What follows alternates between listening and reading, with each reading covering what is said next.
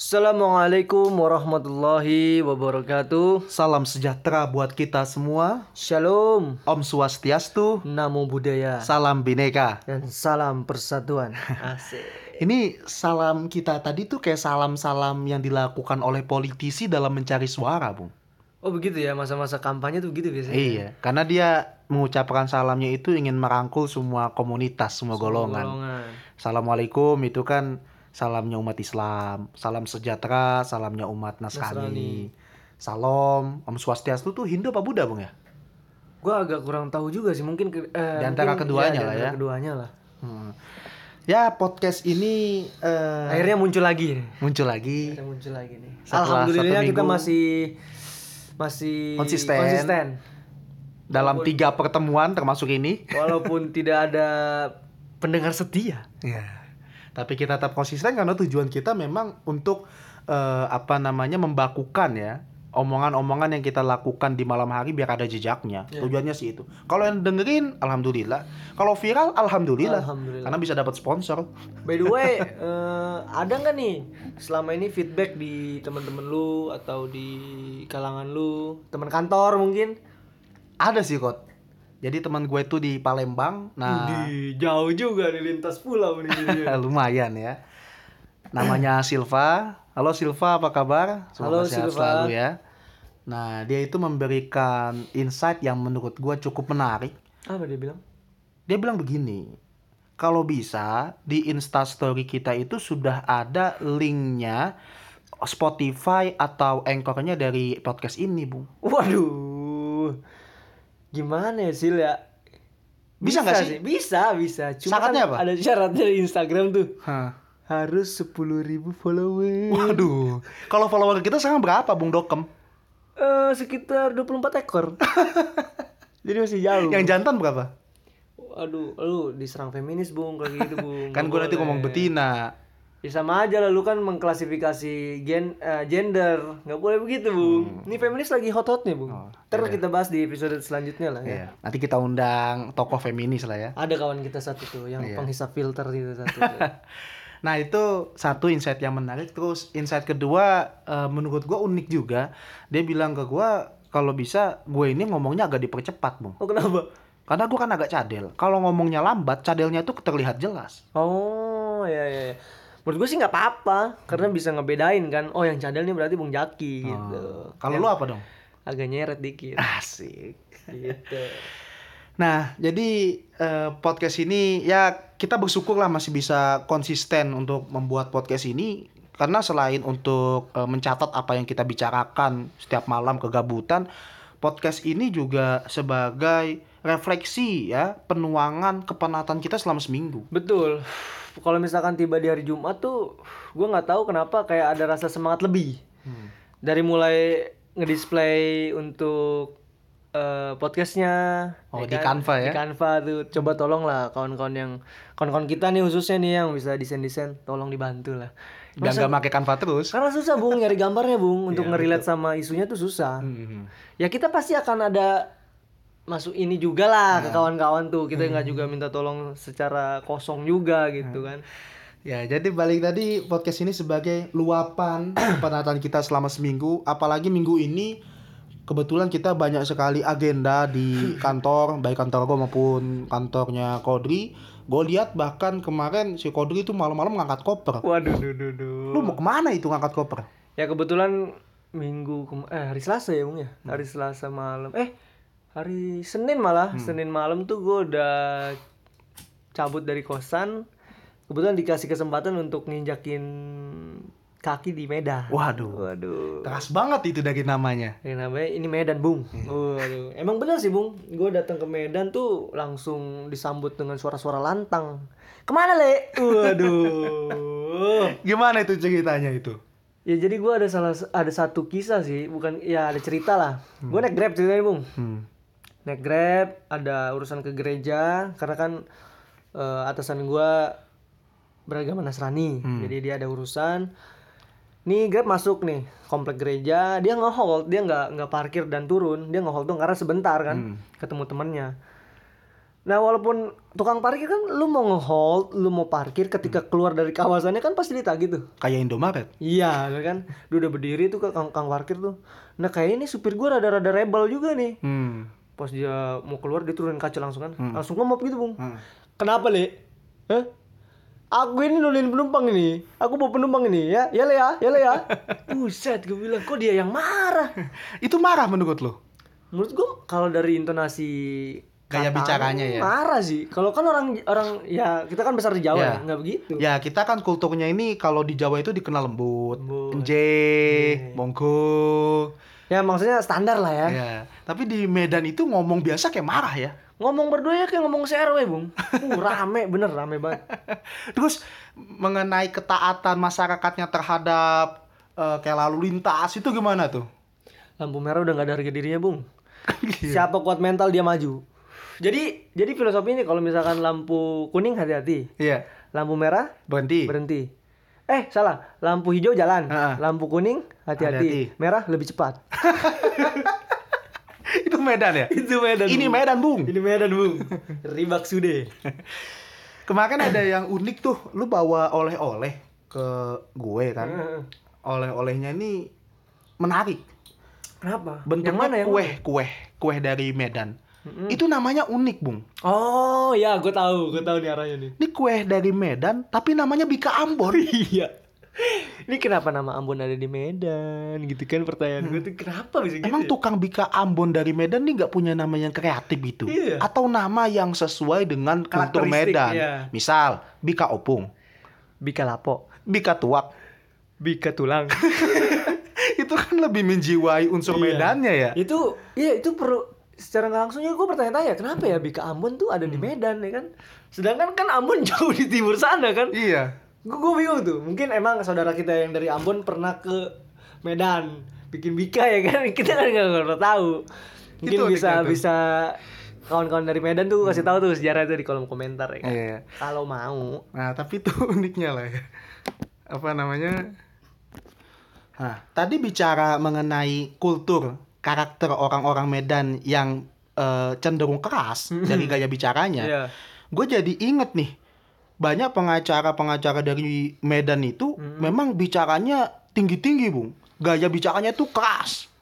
Jadi agak menggetarkan lawan Dari lantangnya dia. dari soalnya. lantangnya. Nah, bahkan gua ngelihat eh, dari namanya aja pengacara dari Medan itu udah eh, serem, garang, Seperti hot masih tompul. waduh. Itu kan ngeri, Bung. Garang gitu kan. Sirait. Uh, Simbolon, Simbolon sama Simalungun. Simalungun. Oh, itu kan ngelihat gaya namanya aja dari kantor hukuman apa? Hot masih tompul dan partners. Uh, karena memang emang kita nggak terbiasa dengan nama-nama itu ya. Iya, di Coba awal bayangin khususnya. nih orang Sunda bikin kantor hukum ya kan. Namanya siapa? Asyep. Asep dan partners. Ujang, Tapi ini Ujang dan partners. tapi ini menurut gua kan menurut pribadi gue tuh ya agak gimana gitu kan. Tapi bukan berarti eh offense sama saudara-saudara kita dari suku Sunda, enggak. Karena emang setiap daerah itu punya kultur dan kekhasannya masing-masing. Iya. Kalau kata Bung Kodri itu setiap daerah punya singkatan-singkatannya. Oh jelas nih. Lu dari mana, Bung? Betawi apa Oh, tuh? gua ada tuh. Itu punya eh, singkatan dari lu tuh. Apa? Betawi apa? Betah di wilayah. Waduh, pantesan banyak jadi juragan tanah. Nah, kan singkong kaum kaki mainin burung tuh pada ngeliat pagi-pagi. Kayak film Sidul. Iya. Kalau Sunda? Su- Ah, kebetulan gue dari Sunda tuh walaupun bapak gue dari Bugis Hmm. karena besar di Tangerang kan. Hmm. Sunda suka bercanda. Anjir. Padang? Pandai berdagang. Ada lagi Batak, Bung Batak. Apa? Banyak taktik, Le. Oh, iya. Uh, banyak taktik dia. Makanya pengacara dari Batak itu banyak taktik, Bung. ya. Banyak taktik dia. Indonesia ini penuh itu keragaman. indahnya ya Indahnya. indahnya. kita bisa mengenal satu sama lain dari daerah lain dari Jawa dari timur sana dari Kalimantan dan sebagainya lah banyak Ya kayak tadi Batak dengan kulturnya yang eh, keras dalam bicara, Jawa lembut. Terus tapi gue ada Makassar satu ini keras. Bung. ada ada satu respect eh, bukan apa ya gue kagum juga sih bukan bukan berarti menyampingkan etnis Jawa. Gue punya senior. Orang dia orang Jawa kan senior di organisasi eksternal dulu. Dia secara artikulasi tuh jelas terus ngebahasnya dapet kan jadi seakan-akan wah banget lah ketika dia ngomong. Penjiwaannya bagus ya. pada saat itu kita lagi buntu dalam berpikir nih. Buntu dalam pemecahan masalah kita lagi buntu. Tiba-tiba dia masuk bung. Dia ngomong begini. Jadi logika apa yang akan kita pakai ke depan bung Waduh. Waduh Gaya kacau bicara artikulasinya dapat. Kacau, ya. Bung. Dia orang mana, Bung? orang Jogja orang Jogja dia Jogja itu kan dikenal lembut, Lembut. gitu ya. cuma kan ngebahas kan Hmm. Jawa medok gitu kan Hmm. enak gue denger tuh enak Makassar juga gue salah satu eh, yang sering gue denger tuh enak-enak tuh Gaya Tokoh-tokohnya, bicaranya ya. gaya bicaranya Bangka ah Yusril tuh Prof? Yusril. Prof Yusril tuh Nah, wah Gaya tuh bicaranya bagus. makanya ada yang bilang eh, berpikir se- seperti Rocky Gerung, berbicara berbicara. seperti Profesor Yusril. Nah, kalau kawan-kawan penasaran tuh bisa searching tuh caranya Prof Yusril berbicara di depan umum seperti apa. Nah, inilah keunikan dari berbagai ma- apa suku adat istiadat di Indonesia. Tuh. Kita kalau ngelihat dari Sabang sampai Merauke, Bung, itu heterogen Bung bangsanya. Iya benar. Karakteristik orangnya, fisiknya, gaya bicaranya. Contoh lah, orang Jawa itu dikenal dengan kalkulitnya yang sawo matang dan rambut yang lurus, bener nggak? Betul. Eh, umumnya, Pada seperti umumnya. itu. Palembang kulitnya putih. Putih, Ambon manis. manis. Ambon manis, Bung. Nah, jadi banyak keberagaman nih teman-teman di Indonesia dan inilah yang menjadi tema podcast kita pada pagi hari ini. Kalau teman-teman mengikuti podcast kita ya, Iya. kita minggu lalu menyampaikan ya podcast hari ini adalah keberagaman. keberagaman itu sangat unik, Bung. Di Indonesia ini penuh keberagaman, tapi keberagaman ini terkadang melahirkan masalah. Oh enggak, berarti enggak cuma keindahan aja sih yang pernah kita dapat Iya. tentang beragaman tuh ya sebagai bangsa ya. Iya. Keberagaman itu prinsipnya indah, pada dasarnya indah. Kayak misalnya marching band nih. Marching band itu kan keberagaman, Bung. Ada biola, ada gendang, ada suling. Mm-mm. Dan ketika mereka bersatu padu melahirkan instrumen yang indah. Waduh, harmoni yang indah. Waduh, kacau. Anda anak seni ya? Kebetulan malam ini jadi anak seni. Karena tersenikan. Nah, Mbak, bicara mengenai keberagaman dan itu dalam konotasi negatifnya memang seperti apa, Bung? Salah satunya ya, ketika ada suku atau suatu daerah yang menyatakan atau memperlihatkan dirinya ini lebih superior dibanding suku yang lain. Uh, gue jadi inget salah satu tokoh, Bung. Siapa, Bung? Yang kayak Charlie Chaplin. Gimana tuh? Hitler, Bung. Oh, iya yang Jerman ya. Jerman. Dia menyatakan bahwa bangsanya itu adalah Paling tinggi ya. superior dibanding bangsa-bangsa lain kan. Heeh. Itu kan nggak bagus juga kan? Iya. Nah, inilah yang menurut gua menjadi menjadi problem ya. Karena sebagaimana yang udah kita bilang tadi, Indonesia ini bangsa yang heterogen. Ada suku-suku yang berbeda, etnis yang berbeda. By the way, suku sama etnis itu beda gak sih, Bung? Wah, gue kurang tahu juga ya. Tapi yang setahu gue etnis tuh erat kaitannya sama turunan ya. Kayak misalkan etnis Arab, turunan Arab. Ini sepemahaman gue ya. Etnis Tionghoa, keturunan dari Tionghoa, Tiongkok. Etnis Israel, keturunan Israel gitu. Aduh, no comment kayaknya di situ ya. Aduh, ngeri tuh bahas-bahas kayak gitu tuh. Takut ada yang ngecap kafir. Keti wow. Kalau kita apa namanya eh, mengkaji masalah suku di Indonesia kan ada suku Betawi. Ya berarti dia anak Betawi kan, suku Sunda, anak Sunda. Mm-mm. Nah, Iya, iya, kalau benar-benar. dia keturunan Chinese, keturunan Arab, lantas apakah disebut dengan suku Chinese atau suku Arab? Nah, itu pertanyaannya tuh. Iya, iya, iya. Nah, dari semua itu kemudian timbul pertanyaan, siapakah yang disebut dengan pribumi? Siapa pemilik terah dari bangsa Indonesia ini? ya? Nah, itu pertanyaan Siapa yang benar-benar darah Indonesia itu siapa ya kan? yang murni. Yang murni apakah yang berambut lurus? Apakah yang berambut keriting Apakah yang berkulit sawo mata? atau yang berkulit putih? Iya. Nah, Itu kan menjadi pertanyaan, Bung. Karena memang masalah pribumi ini kadang kerap menjadi komoditas. komoditi bagi- politik bukan? Iya, kan ya politik kita kan politik identi- identitas ya. Iya. Ini sering banget kayak setiap pemilu itu lawan asing, pribumi Iya. harga mati. Wah, kan Iya. sering begitu kan. Padahal kan agama kita pun dari impor. Islam dari mana? Dari Arab, Bung. Kristen? Dari Arab ya? Eropa. Jazirah, Bung. Kan Yesus. Serius lu? Yesus. Oh iya iya. kan iya. dari Arab Jazirah Tapi terkenalnya kan yang penjajahan Belanda yang Bergem- glory Oh, gospel maksudnya- itu kan. Maksudnya eh, menyebarnya dari Iya. bangsa Eropa, tapi Iya. kan agamanya memang besarnya pertama kali tuh di Jazirah Arab kan. Iya.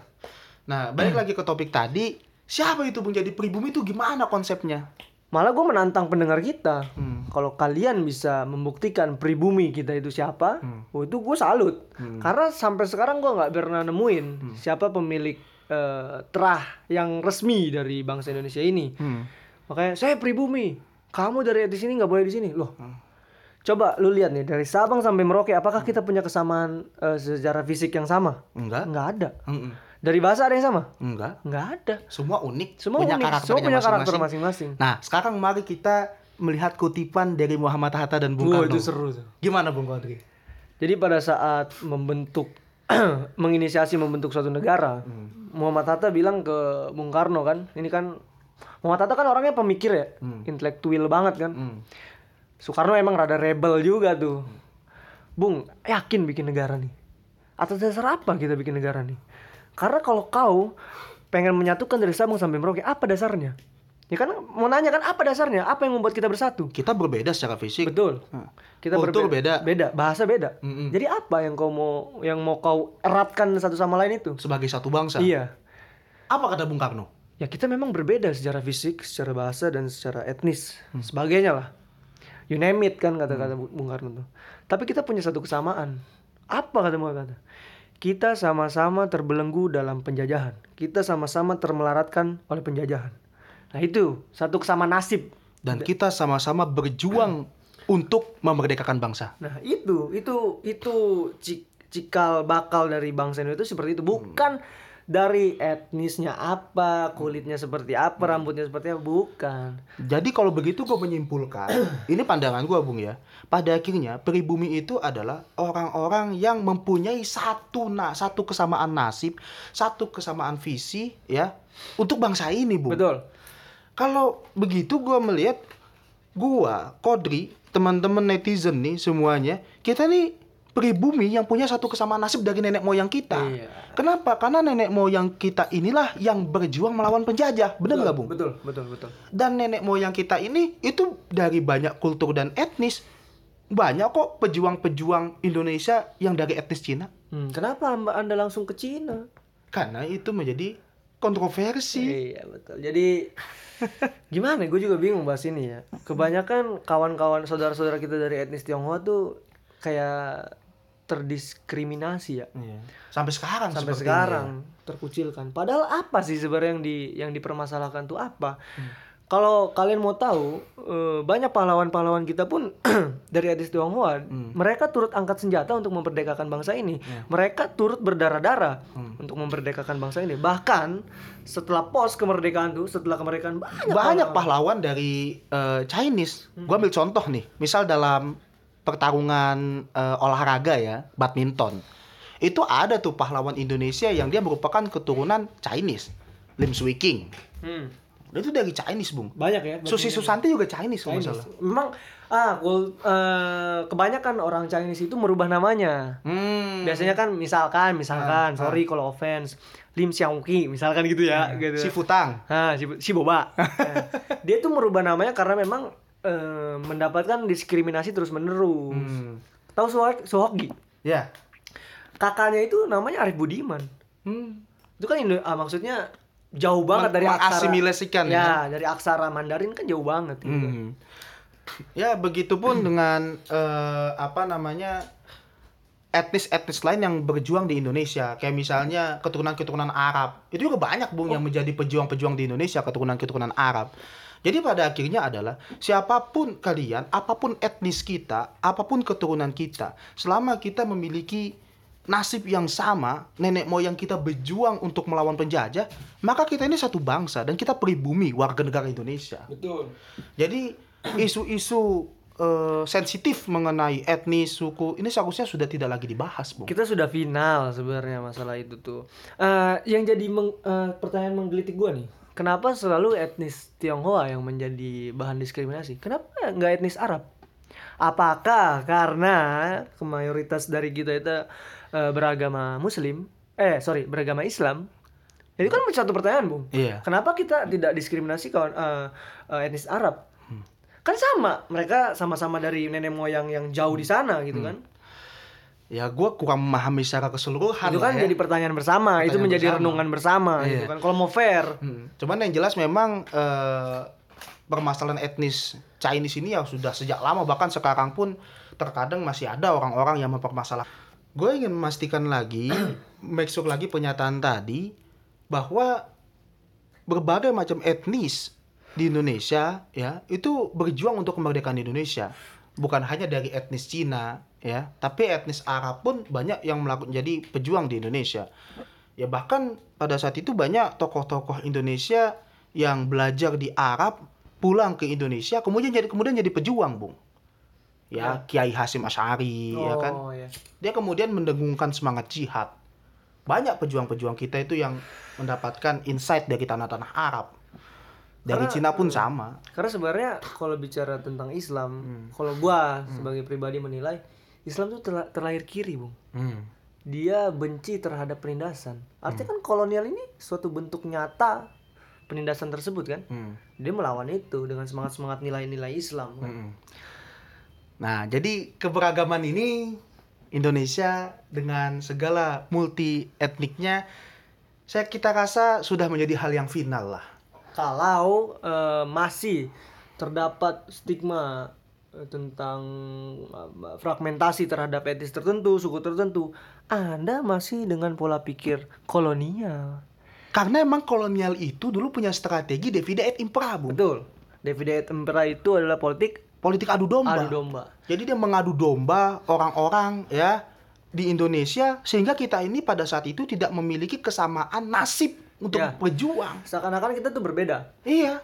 Seperti eh, kaum eh, etnis Tionghoa pada saat itu dipisahkan tuh di border di Batavia. Hmm. Dia ditempatkan di daerah Glodok sekarang tuh. Memang dari dulu daerah Glodok itu eh, ditempatkan untuk orang-orang Tionghoa oleh oleh pemerintah Belanda sampai sekarang tuh. Iya. Makanya kalau teman-teman mengkaji di Fakultas Hukum, kitab Undang-Undang Hukum Perdata kita yang warisan kolonial itu dulu memisahkan, Bung. Oh, Hukum iya. buat golongan Eropa, Iya, iya, iya. golongan Timur Asing, ya, Iya, iya. Jawa Madura Betul betul. dan sebagainya. betul betul. Jadi kalau kita masih mengkotak-kotakan etnis, masih mengkotak-kotakan suku, Anda masih berpikir seperti kolonial. Anda masih terbelakang.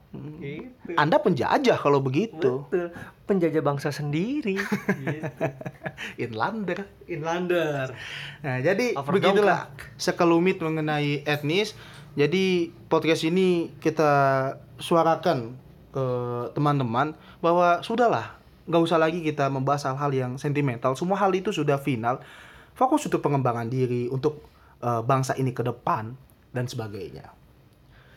Lanjut Ini adalah raja terakhir yang akan kita bahas mengenai keberagaman. keberagaman. Ada kata agama dalam keberagaman. Bung. Waduh. Karena memang bicara Indonesia ini memang multikultural banget, Bung. Multi etnis, multi agama dan sebagainya. Hmm. Yang kita tahu nih di Indonesia ada enam agama yang diakui. Ya. Itu agama, Hmm. belum keyakinan-keyakinan dan sebagainya kan. Ya, kayak Sunda Wiwitan, Sabta Dharma, Kejawen itu keyakinan bukan ya? Kejawen keyakinan. Keyakinannya. Mm-mm. Kalau Sunda Empire Sunda Empire itu ke kerajaan. kedunguan. Pas itu kita digemparkan tuh dengan banyaknya muncul kerajaan-kerajaan nih. betul betul betul. Kagak jelas emang. Ada tuh Banten juga apa ya? Lupa gua. Ada ada. Ada tuh Banten tuh. Bajunya kayak marching band. Iya. Gua gak ngerti tuh yang kayak gitu-gitu. Nah, keberagaman ini pun terkadang ya menjadi isu-isu yang sensitif. Namun banyak juga hal-hal yang menggugah eh, apa perasaan kita ketika melihat toleransi keberagaman. Kayak gue nih melihat temen gue dia muslim. Hmm. Dia ini punya bos yang Nasrani. Itu suatu hal yang indah tuh. Maksud lu gua? Iya. Oh ya. Ada nggak lu kisah yang membuat lu itu terenyuh Wah, ada Melihat. Bung. ada bung. keberagaman lu dan bos lu ini? Karena kan memang atasan gue dan gue ini selalu berdampingan ya. Kalau misalkan ada tugas gitu kan. Jadi lu tangan kanan bos lu? Ya gue nggak bilang gitu sih. Asik. Jadi Merendah ya? Enggak bung. gue selalu berdampingan. Jadi ketika dia makan atau dia eh, bertemu orang, gue selalu bersama-sama tuh. Hmm. Pada saat makan tuh, makan siang misalkan rehat, Hmm. ya kita kan punya doanya masing-masing ya dalam beragama ya. Dia bilang begini, silakan Kadri makan. Saya mau berdoa dulu. Hmm. Oh dia, gue ngeliatin dia dulu kan. Dia mengepalkan kedua tangannya dan memejamkan mata sambil berdoa. Uh, di situ gue langsung gimana ya? Sejuk gitu, Bung. Artinya gua di antara gua sama dia itu ada toleransi di sekat-sekat antara meja gua sama dia gitu loh. Hmm. Ada apa namanya? kewajaran Keindahan ya? keindahan, keindahan, keindahan. Gue gue ngeliat itu, Bung. Artinya gue merasa sejuk lah ketika apa namanya dia berdoa dengan agamanya dan gue berdoa dengan agama gue. Artinya nggak ada hal yang perlu diperdebatkan gitu loh. Hal-hal itu udah jadi jadi permasalahan pribadi aja, jadi konsumsi pribadi. Gitu. Tapi kalau bisa suatu saat lo harus kolaborasi doanya, Bung. Waduh, Jadi lebih kuat kan? gitu ya. Gue yakin eh, meskipun doanya berbeda tapi menuju zat yang sama. Waduh, ini udah filosofis banget nih. Iya. Gue juga punya cerita, Bung, mengenai hal yang serupa. Jadi waktu dulu masa-masa awal kuliah, gue ngekos di Patra. Lo tau kan Patra kan? Komplek Parta. Oh ya, komplek Patra ya. Sebenarnya perumahan gang sempit sih, kayak film Iya. di Serigala terakhir. Banjir, hujan. Panas-panasan. Iya, parah banget itu. Nah, waktu itu gue ngekos sama temen gue, senior gue tepatnya, yang beragama Nasrani. Namanya Bang Dendi. Bang Dendi apa kabar? Sehat selalu Bang ya. Di Lampung dia. Di Lampung. Nah, jadi pada waktu itu... Nah, Bang Dendi ini meskipun dia beragama Nasrani, dia tuh sering banget ngingetin gue sholat. Padahal gue sholatnya aja kan agak males kan. gue tahu tuh emang kalau bangunin lu kayak orang ah kayak orang nggak jelas dah anjing Dia ngingetin gue aja sholat isya. Jak, sholat subuh. Dia tahu loh waktu-waktu sholat gue tahu dia loh. Tahu dia ya? Tahu. Dan kalau minggu gue inget banget dia suka ke gereja di daerah Citralen, Citralen. iya. Nah, suatu waktu dia itu pengen main ke tempat gue di kampung. Ke tiga raksa Ya, Hmm. karena kan di Jakarta penat kan tiap hari ngeliat polusi. Dia Oh, dia pengen ngeliat yang hijau-hijau. oh ganja ganja Bukan ganja sih, singkong. singkong Nah, dia ada ke daerah gua. eh, waktu itu dia datang tuh ke rumah gua. Disambut sama keluarga gua. Karena keluarga gua ini senang kalau temen gua tuh main ke Main rumah. ke rumah ya. Mm. Nah, terus gue bilang sama orang tua gua, Mas Dendi ini Nasrani. Jadi jangan suruh sholat. Dia bingung dia kan. Tak tahu tuh disuruh ke masjid aja sama nyokap gua. Ya. Nah, besoknya itu hari Paskah. pas kah Mm-mm. Pas banget, Bung. pas kah Hmm. Pas hari Paskah, dia itu minta diantar ke gereja. Apa yang terjadi, Bung? Nyokap gue tuh nunjukin jalan ke gereja, Bung. oh kayak gua kira nunjukin jalan yang lurus Lurus tuh ke mana? dikasih tahu kamu Dendi kamu tuh kafir kamu itu darahnya halal ya Kayak kan? siapa itu ya? itulah imam petamburan Nah, dia tuh ngehadirin Paskah di gereja yang nggak jauh dari rumah gue. Dalam tradisi Paskah, itu kan ada telur, Bung ya. Telur tuh tradisinya tuh kayak telur. Gue nggak nggak paham lah ya, telurnya tuh fungsinya buat apa. Nah pulang dari gereja dia tuh buat telur rebus. Hmm. tiga biji tuh ingat buat telur rebus. Tuh dibagiin ke keluarga gue dan kita makan telur itu sama-sama. Anda telah murtad. Kata siapa? Kata saya. Kan gak boleh bung. Makan telur dari gereja? Iyalah. Kata orang-orang yang berpikiran sempit. Jadi gue sadar lagi gak nih mending gua saranin lu sahadat tapi sebenarnya kayak gitu eh ditolerir ditolerir gak sih? Ya tentu nggak masalah. Nggak masalah kan? Ini kan masalah keyakinan. Iya kan? masa gara-gara telur kemudian jadi pindah agama? Ya. Banyak kan orang yang orang yang antipati banyak bung. Ketika eh, nganterin sekedar nganterin temennya ke gereja artinya dia eh, membantu temannya untuk menyembah Tuhannya. Itu Hmm. katanya wah apakah gua jadi kafir atau jadi murtad dan sebagainya apakah gue ikut membantu kemungkaran ya gitu tapi itu kan hal yang serius kalau Iya. menurut gua Tapi bagi gua dan keluarga gua waktu itu hal itu ya bagian dari hubungan kita dengan sesama manusia. hablum minan nas Hablum. Urusan kita dengan Tuhan itu masing-masing. Gue punya keyakinan sebagai muslim, dia punya keyakinan sebagai Nasrani, dia bawa telur rebus dari gereja, kita makan sama-sama, nggak masalah. nggak masalah ya Telur nggak bisa membuat kita murtad. ada ada ada Nah itulah eh, bagian-bagian dari yang menurut gua keindahan ya dalam beragama dan gue yakin teman-teman pun banyak mempunyai pengalaman serupa atau pengalaman yang jauh lebih keren lagi. Oh, ada satu juga tuh di kampung gua, Bung, di Balaraja. Hmm. Jadi kan mayoritas di sana Islam.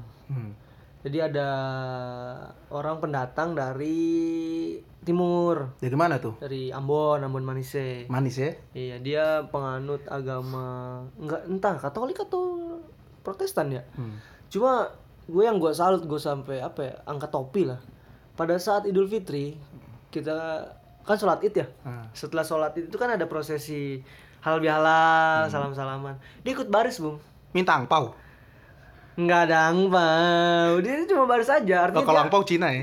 C- Cina.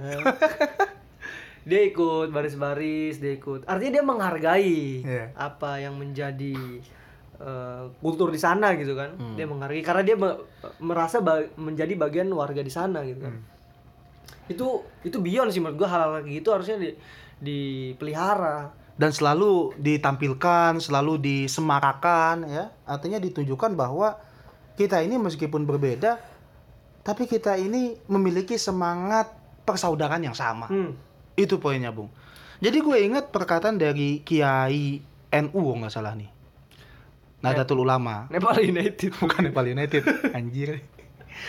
Jadi intinya dia bilang gini, dalam keyakinan kita, apa pun agama kita, hendaklah itu dijadikan konsumsi individual saja. Hmm. Pemahaman diri sendiri. Tidak perlu kita publikasikan keyakinan kita itu kepada orang lain, apalagi kepada orang yang berbeda paham dengan kita. Apalagi menyalah-nyalahkan orang yang tidak sepaham dengan kita. Anda kafir. Anda bid'ah. Anda halal darahnya. Itu kayak siapa ya? Itu ISIS, seperti ISIS. Ya. Anda ini Al-Qaeda. theater of mind kalian tuh langsung ke mana-mana. Tapi yang punya paham-paham ISIS di Indonesia nggak sedikit. Banyak bung ya. Iya. Banyak bung ya. Yang merasa benar sendiri. Nah ini poinnya, Bu. Nah itu. Jadi permasalahan apa eh, agama ini salah satunya adalah ketika salah satu kelompok atau segelintir orang ya itu merasa dia benar sendiri di antara yang lain dan menyalah-nyalahkan yang lain. Apa, itu problem. Kalau di Arab apa namanya? Aduh, lupa gua. Eh kalangan apa bung? Khawarij. Khawarij. Nah, itu dulu tuh sejarahnya tuh ya. Nah, tapi kan kalau itu bicara Khawarij, itu sebenarnya dia fraksi dari eh, apa agama Islam. Turunan dari agama agama Islam, aliran-alirannya itu ada Khawarij, ada Syiah dan sebagainya. Nah, jadi pada intinya teman-teman, poinnya adalah apa pun keyakinan kita hendaklah itu jadikan konsumsi individual saja. Tidak perlu disosialisasikan, tidak perlu dipublikasikan, ya. Apalagi menyalah-nyalahkan kelompok yang lain, menyalahkan agama yang lain. Tapi kalau berdialektika itu sah-sah aja, Bung ya. Sah aja. Tapi kan harus disadari juga ketika berdialektika kita membuka eh, terhadap apa namanya Perbedaan. argumentasi lawan kita kan. Iya, kita harus sepakat bahwa ini sebatas diskusi. Iya, artinya Anda pun harus terbuka terhadap pemikiran-pemikiran yang ada di luar sana. Iya. Kalau misalkan kalian ini ingin apa membu eh, mendatangkan insight baru, pemahaman baru terkait terkait agama, terkait etnis, terkait suku, terkait perbedaan-perbedaan yang ada di dunia ini. Karena gue yakin kita hidup di dunia ini dalam pergumulan-pergumulan nilai-nilai Berbeda. yang berbeda dalam pergumulan-pergumulan eh, apa namanya prinsip-prinsip yang berbeda. Nah, tadi kan lu bilang Jak, janganlah kita menyalah-nyalahkan eh, yang tidak sepaham sama kita. Tapi pada kenyataannya hanya berbeda cara berpakaian aja itu sudah dicemooh. Misal, Eh, orang eh, Islam Ah. tapi cungkring celananya tuh maksudnya di atas mata kaki. Ah. Ini Islam apa? Ini Islam sesat nih gini nih. Oh. Misalkan dia subuh tidak memakai kunut. Oh. Ini apa-apa ini menyalahi aturan yang Anda kafir ini, sesat Anda ini. oh, Jadi itu kan apakah itu memang seperti itu atau memang dalam sejarahnya itu bisa kita kaji gitu gue jadi tertarik nih. Ini berarti kita membahas adanya perbedaan dalam agama itu sendiri, Bung ya. Ya Oh, misal iya. kayak Benar, Kristen, benar, benar. ya kan? Itu ada perbedaan-perbedaannya lagi tuh. Ada Kristen Ortodok yang gue tahu. Ad- Advent. Tapi Advent. yang secara garis besar tuh yang nyata-nyata Protestan dengan Katolik. Ya, Protestan itu kalau nggak salah sejarahnya perjuangan dari Martin Luther King tuh. Yap. Dia ingin mengubah suatu tatanan dalam gereja, Protes lah dia. ya makanya disebut Protestan kan. Iya. Bisa nggak Islam kalau protes jadi Islam Protestan bisa? Ya Islam Protestan gue ini kayaknya. ya, maksudnya jangan jangan antipati lah sama diksi-diksi baru ya kalau menurut gue ya. Karena hal itu kan bisa apa kalau misalkan ranahnya ranah dialektika, ranahnya intelektual itu kan masih bisa terbuka sebenarnya Iya. kan. Kembali lagi ke persoalan tadi, banyak eh, perbedaan-perbedaan aliran lagi dalam satu agama. Jadi belum cukup mengenai perbedaan agama, Islam, Kristen, Buddha, Hindu dan sebagainya. Ternyata dalam agama itu sendiri terdapat ya? ah, terdapat terfragmentasi terhadap beberapa aliran. Islam itu banyak aliran-aliran di dalamnya, Bung. Bahkan ini sudah sejak lama terdapat perbedaan-perbedaan aliran kayak Syiah. Mungkin teman-teman tahu ya Waduh. Syiah ya. Ini agak sensitif nih nyebut Syiah nih. Kalau bagi gua enggak. Kalau bagi gua enggak karena memang gua sering bertukar pendapat sama kawan gua, Hmm. termasuk lu juga mungkin ya. Hmm. Jadi kan kalau di Indonesia itu ta- tabu ya, gua mau ngomong sabu. tabu kalau ngomongin Syiah di Indonesia. Karena memang katanya sangat berbeda ajarannya dengan Sunni. Iya. Yang mana di Indonesia kan mayoritas Hmm. me- menganut ajaran Sunni kan. Hmm. Tapi kalau gue pikir gue telah-telah dari semangatnya, dari eh, apa nilai-nilai yang diperjuangkan dalam Syiah itu, sah-sah aja gue, nggak ada yang salah. Iya. Selama masih apa namanya menyembah kepada Zat Allah Subhanahu. Wa Taala kan, Heeh. seperti itu. Ya jadi kalau kita mengkaji sejarah Islam misalnya, mere- eh, agama ini sejak dahulu itu sudah terdapat perbedaan-perbedaan dalam aliran. Peristiwa ini muncul setelah wafatnya Nabi, Bung. Oh Nabi Muhammad. Nabi Muhammad Shallallahu Alaihi Wasallam.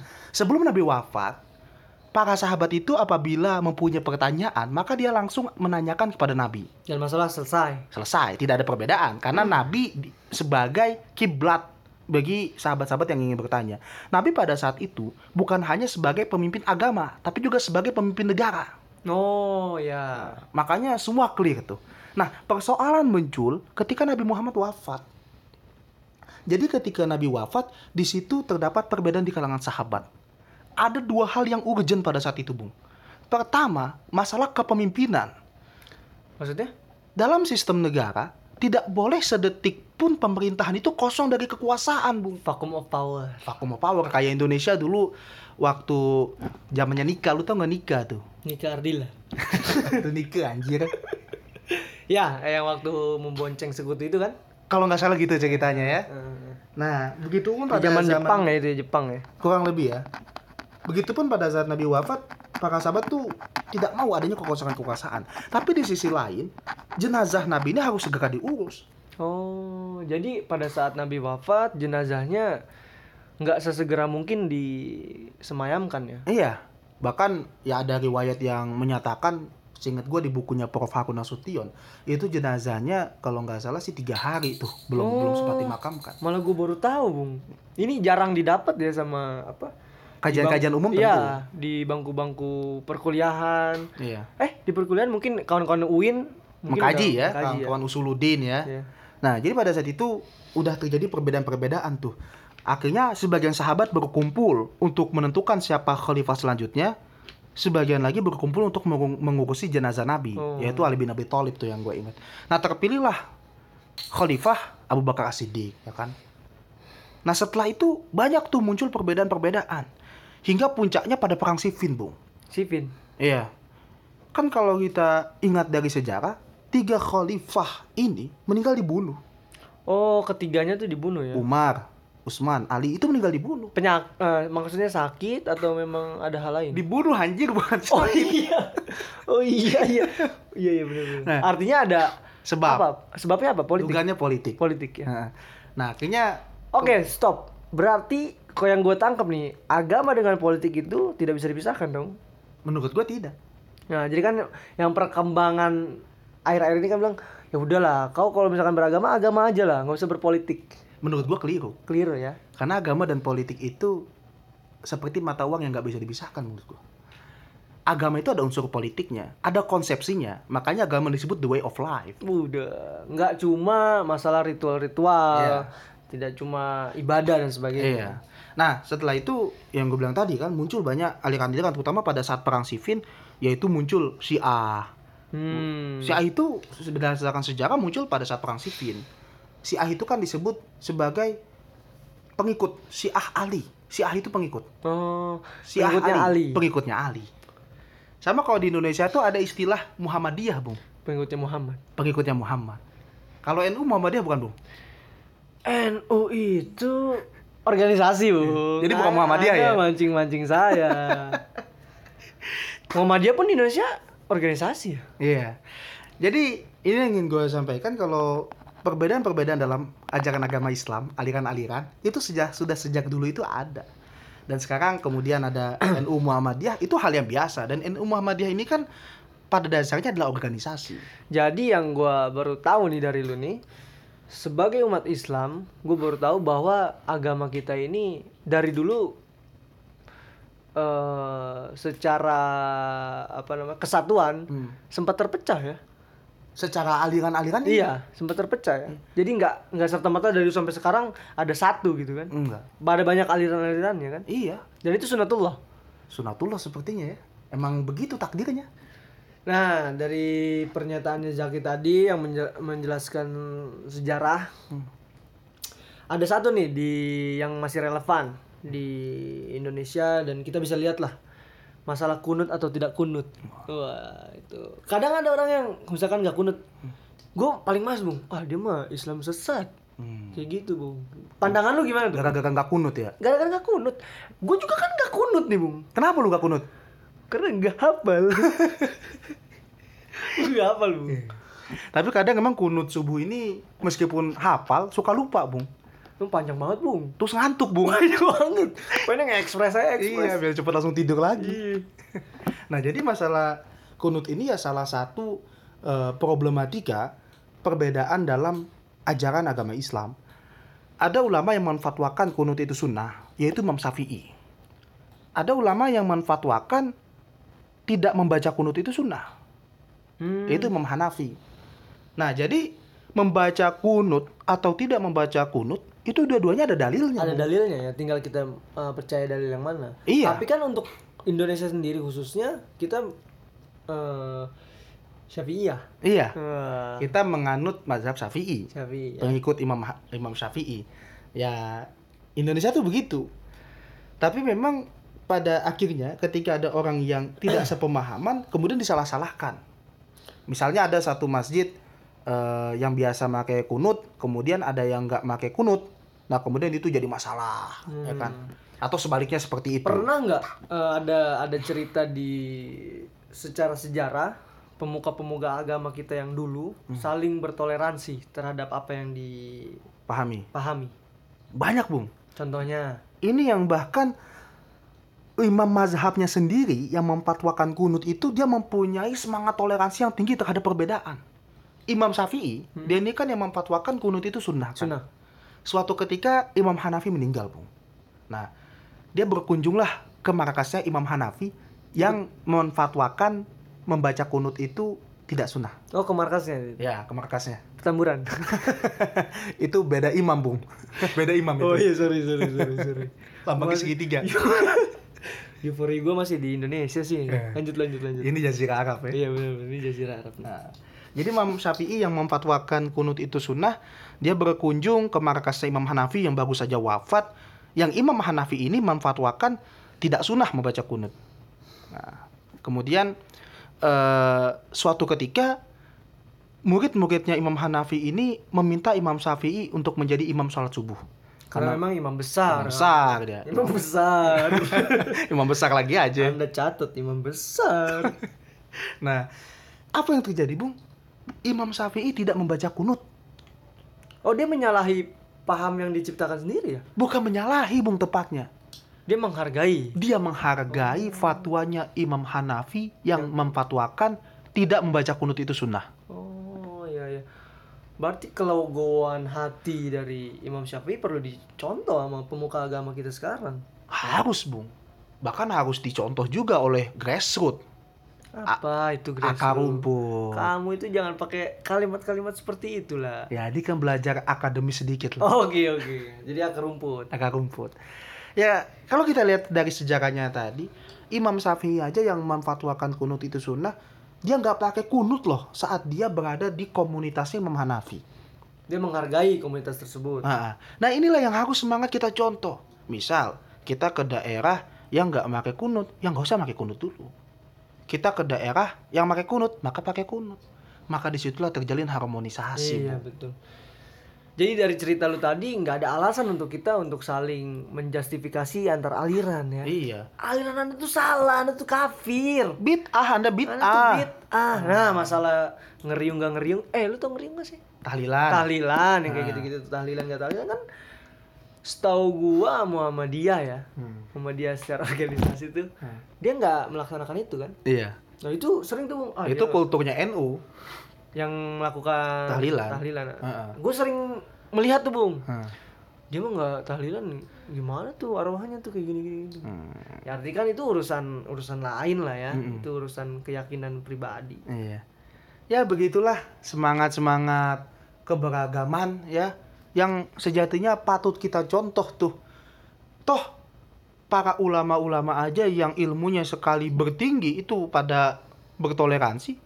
kenapa kita yang Ilmunya cetek, baru Belajar. ngaji kemarin sore, belajar dari YouTube sok-sokan sombong, sosokan menjustifikasi ulama sok-sokan menyalahkan Kiai Quraisy anda kafir Itu yang Quraisy Shihab tuh banyak banget, Bung, anak-anak kemarin apa sore. kemarin sore ya yang menyalahkan beliau. Padahal Dia- beliau Shihab- profesor ya? Wah S1 S2 3 di Mesir. Iya. Kita anak kemarin sore itu pada menyalah dia di di apa namanya di judge sebagai Syiah ya? Ya ya banyak kan? banyak. Ya itulah menurut gua karena kurangnya literasi sepertinya kot ya. Dan kurangnya open minded open mind di terhadap segala perbedaan ya dari awal podcast kita terbentuk kan memang kita menstimulan kawan-kawan untuk ya terhadap perbedaan ya biasa aja sebenarnya kan. Ya ya kalau bisa lu lu dapat insight-insight baru dari Iya. perbedaan-perbedaan tersebut. Karena perbedaan itu suatu keniscayaan. Sunatullah. Ketetapan Allah. Ketetapan Allah. Kayak kita ini kan berbeda secara golongan darah manusia itu berbeda. Sidik jari berbeda. Sidik jari berbeda semua berbeda Bung. dari pola pikir pun berbeda Iya. Dan inilah yang membuat indah. Pekerjaan berbeda, ya kan? Coba bayangin semua di dunia ini orangnya jadi dokter. Siapa yang jadi pasiennya? Iya. dan gue pun mikir ini pemikiran gue ya seseorang yang mencoba untuk menyamaratakan meunifikasi segala sesuatu hal yang ada di dunia ini itu coba mencoba melawan kodratnya bung Iya. Bener, Bung. Jadi kita ini nggak bisa memaksakan ukuran kaki kita kepada orang lain. betul Hmm, Jadi nggak bisa CC berbeda-beda kan Iya, nggak bisa kita memaksakan apa yang kita pahami itu harus dipahami orang lain. Ya pada akhirnya inilah kesimpulan kita pada podcast eh, episode ini.